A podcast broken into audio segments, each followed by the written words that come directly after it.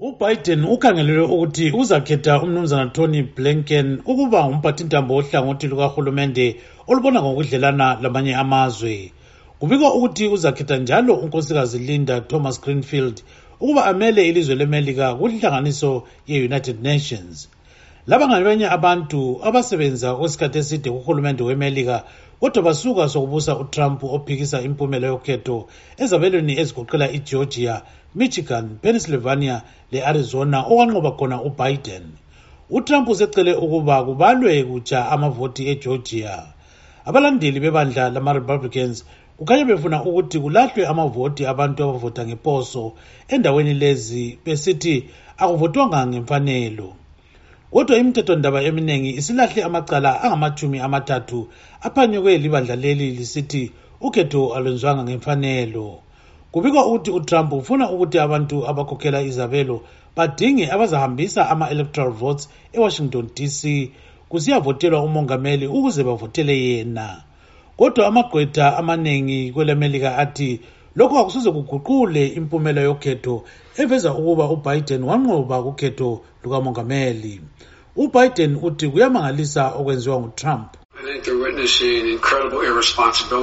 Incredibly damaging messages being sent to the rest of the world about how democracy functions esikubona khathesi sibona ngani ubuchapha obumangalisayo asikwazi ukuthi inhlonso yakhe yini kodwa-ke akwenzayo kuyayangisa okunye okumangalisayo utrump uqhubekela phambili esithi waqilwa libandla lamademocrats millions of dollars of negative advertisements against me during the campaign, which I won, by the way, but, you know, find that out.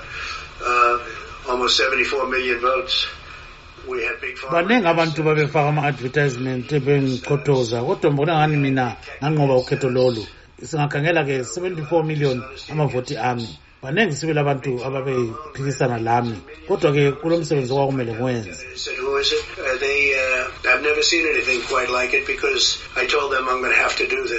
okwenzakala emelika sokuthiye abanye abantu kwele zimbabwe bebambe owangaphansi umnumzana mvundla khuphe uthi loba kulokuxokozela kukhetho lolu kukhanya engani lwenziwa ngemfanelo? Siyakuzwa sibili ukuvota kuhle wavota kuhle abantu benkosi ngalathi ezimbabwe siyavota sokungaxokozeli. Manje akithi ezimbabwe bayaxokozela abantu bayaxokozela. Kodwa hhayi ngo-2023 sizabona kuzavela lapho kuzawela khona indulo xakuxaku siza kubona kutshengisela ukuthi vele unumber one uvele ngunumber one. Hhayi singakhaleni kakhulu bantu. Sibonga ujehova bavote kuhle abantu benkosi sizwa abalaleli.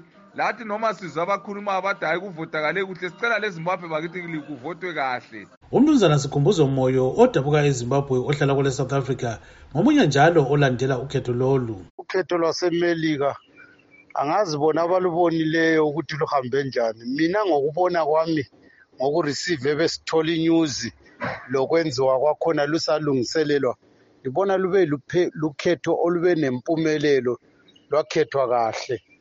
Ilizwe phela elikhulu elinjengabo-amerika amazwe lana abhekelelwe ukwenza izinto ezilungile. Inkinga nje ukuthi utrump akakhoni ukuvuma ukuthi udliwe because isikhathi ngembangela yokuthi isikhathi akade sinikezwe ngabantu bemelika umsebenzi akade unikezwe ngabantu bemelika ukuthi awenze.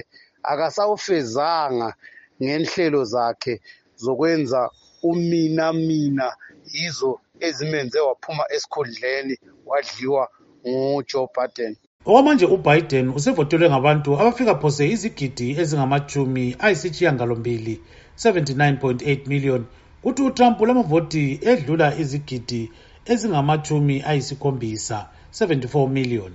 Amavoti la kawenzi ukuthi umuntu angene esikhundleni sikamongameli njengoba kusetshenziswa okuthiwa ngama-electoral votes. Ubiden usethole ama-electoral votes edlula amakhulu amathathu 306 kuthi utrump ulangamakhulu amabili lamachumi amathathu lambili 232 ovotelwa ukuba ngumongameli kumele athole ama-electoral votes angamakhulu amabili lamachumi ayisikhombisa. 270 ngimele istudio 7 ngise-maryland ngingokipstube